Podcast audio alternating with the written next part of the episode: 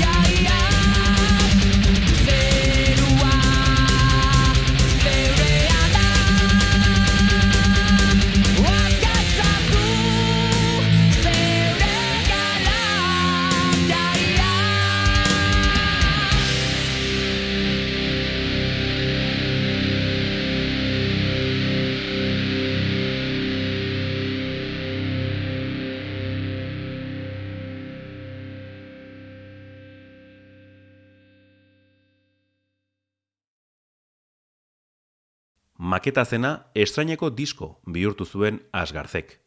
Hain zuzen ere, iz eta diskoetxearekin sinatu eta estrainako grabazio ura jainkoen egoitza izenburupean argitaratu zuten larogeita emeretziko durangokoa azokan.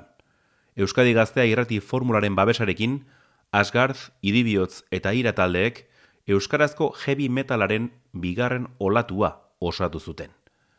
Entzun dezagun lehen laneko bestea besti bat. Hona hemen, amaigabeko lurraldea.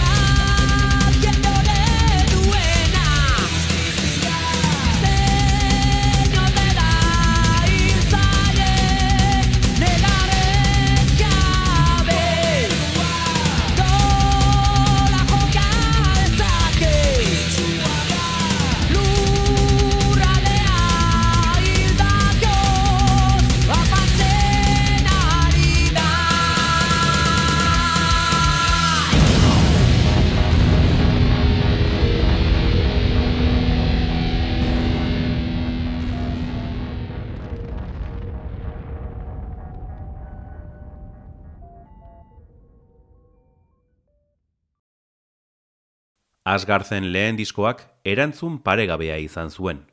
Horrela, 2000 garren urtea zinez oparoa izan zen boskotearen zat. Euskal Herriko txoko askotan jotzeko aukera izan zuten, eta euren musika oso presente zegoen irrati uinetan. Zuzenekoekin lanpetuta ibiliarren, Gipuzkoarrak bigarren diskoa prestatzen hasi ziren. Taldekideek argi zuten estrenako lana maketa bat zela eta disko mardulago bat osatzea erabaki zuten. Horrela, amasako izeta estudioetan sartu eta hiru astetan lan berria grabatu zuten. Beste behin ere, Carlos Creator arduratu zen ekoizpenaz. Etorkizunaren sustraia bigarren diskoa 2000 eta batean kaleratu zuten. Hau duzue, meategi beltza.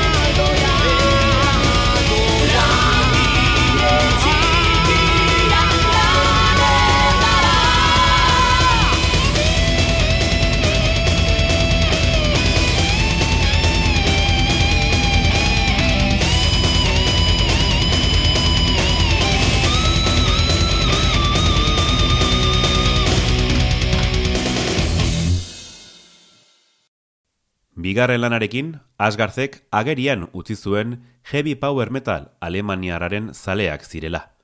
Halloween, Gamma Ray, Primal Fear eta Accept bezalako taldeen eragina nabari da etorkizunaren sustraia diskoko kantetan. Bestalde, Euskal Jebiaren bi olatuen arteko lotura egin zuten latzeneko aitor uriarte abeslaria lan berrira gonbidatuta. Ainorgakoek ospea eta arrakasta areagotu zuten bigarren lanarekin. Pentsa, 2000 eta 2000 eta bat urtean artean, irurogei kontzertutik gora eman zituzten. Hori etzen ohikoa, heavy metala euskaraz jorratzen zuen talde batentzat. Sutagar aitzindarien salbu espenarekin. Ona hemen beste kantu bat. Eriotzaren aurpegia.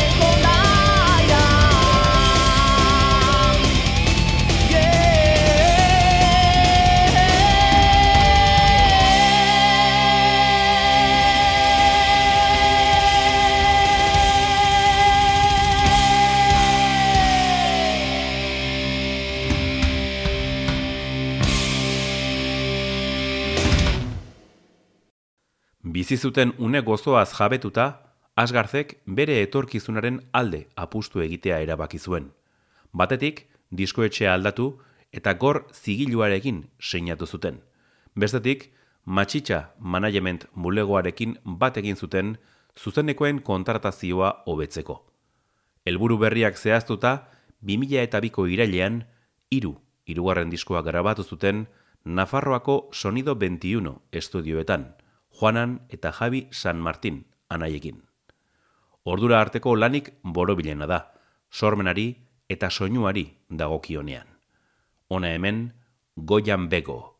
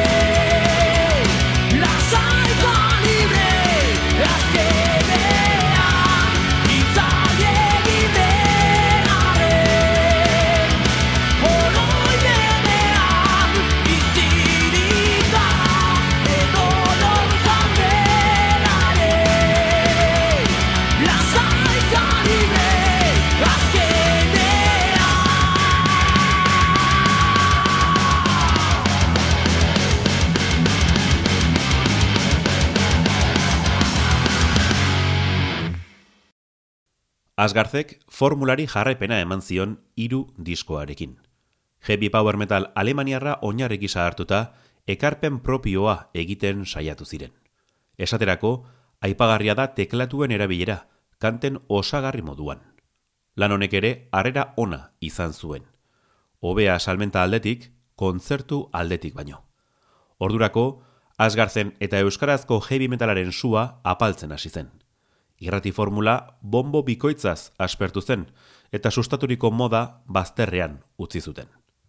Egoera horren ondorioz, taldeak atxeden hartzea erabaki zuen, aurrera begira zer egingo zuten erabakitzeko. Askok pentsatu zuten, Asgard banandu egin zela. Baina etzen horrela izan. Hau duzue, lur jota.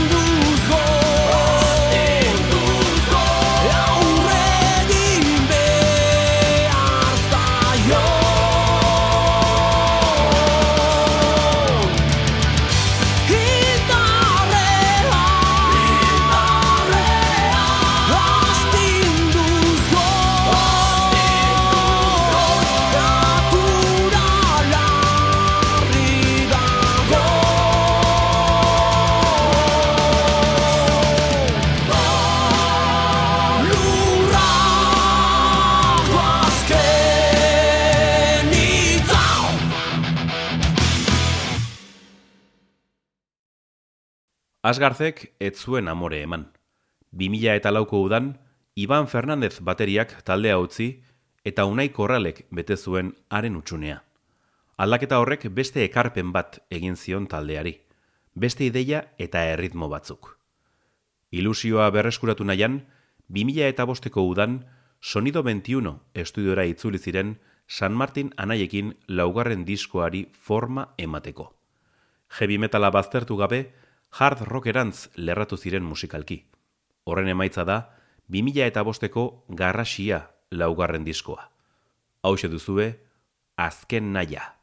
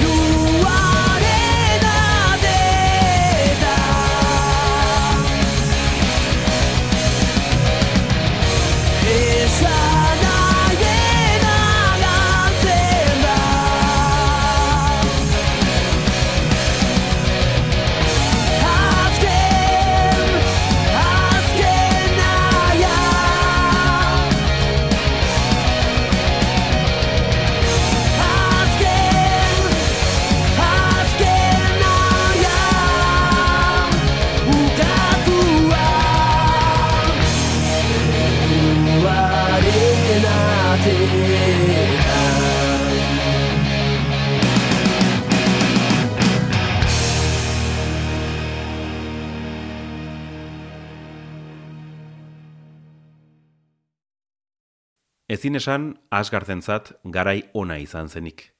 Arazoak izan zituen gorzigiluarekin, eta garrasia lana EDG Music diskoetxearekin elkarlanean plazaratu zuten. Aurreko diskoekin gertatu ez bezala, salmentak ez ziren horren onak izan, boskotearen joera berriak erantzun apala izan zuen, eta kontzertu gutxi batzuk eman zituzten. Hori dela eta, 2000 eta zazpiko irailaren batean, gora beheraz betetako amar urteko ibilbidea amaitu zuten etxean, ainorgako zinema zaharrean. Jarraian entzungo dugun kantuak dioen moduan, ahazte zina izan zen. Ona hemen, ahazte zina izango dela.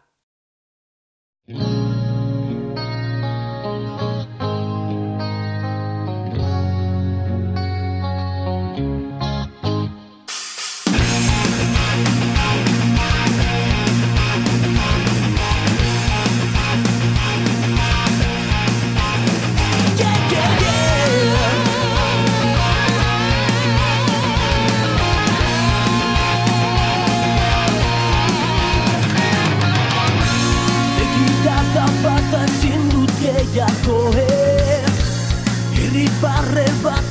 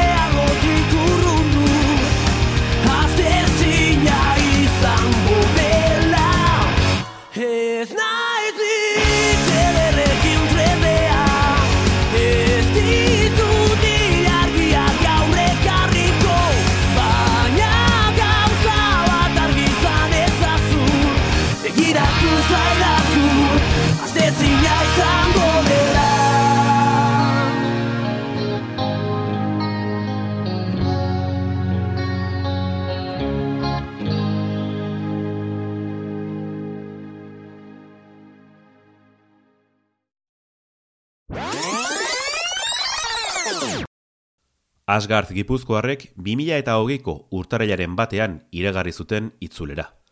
Ander Kañas, Unai Zabala eta Asieren Bil jatorrizko taldekideek boskotea berrosatu zuten Mikel Jartza eta Etxaun Urkizu musikariekin.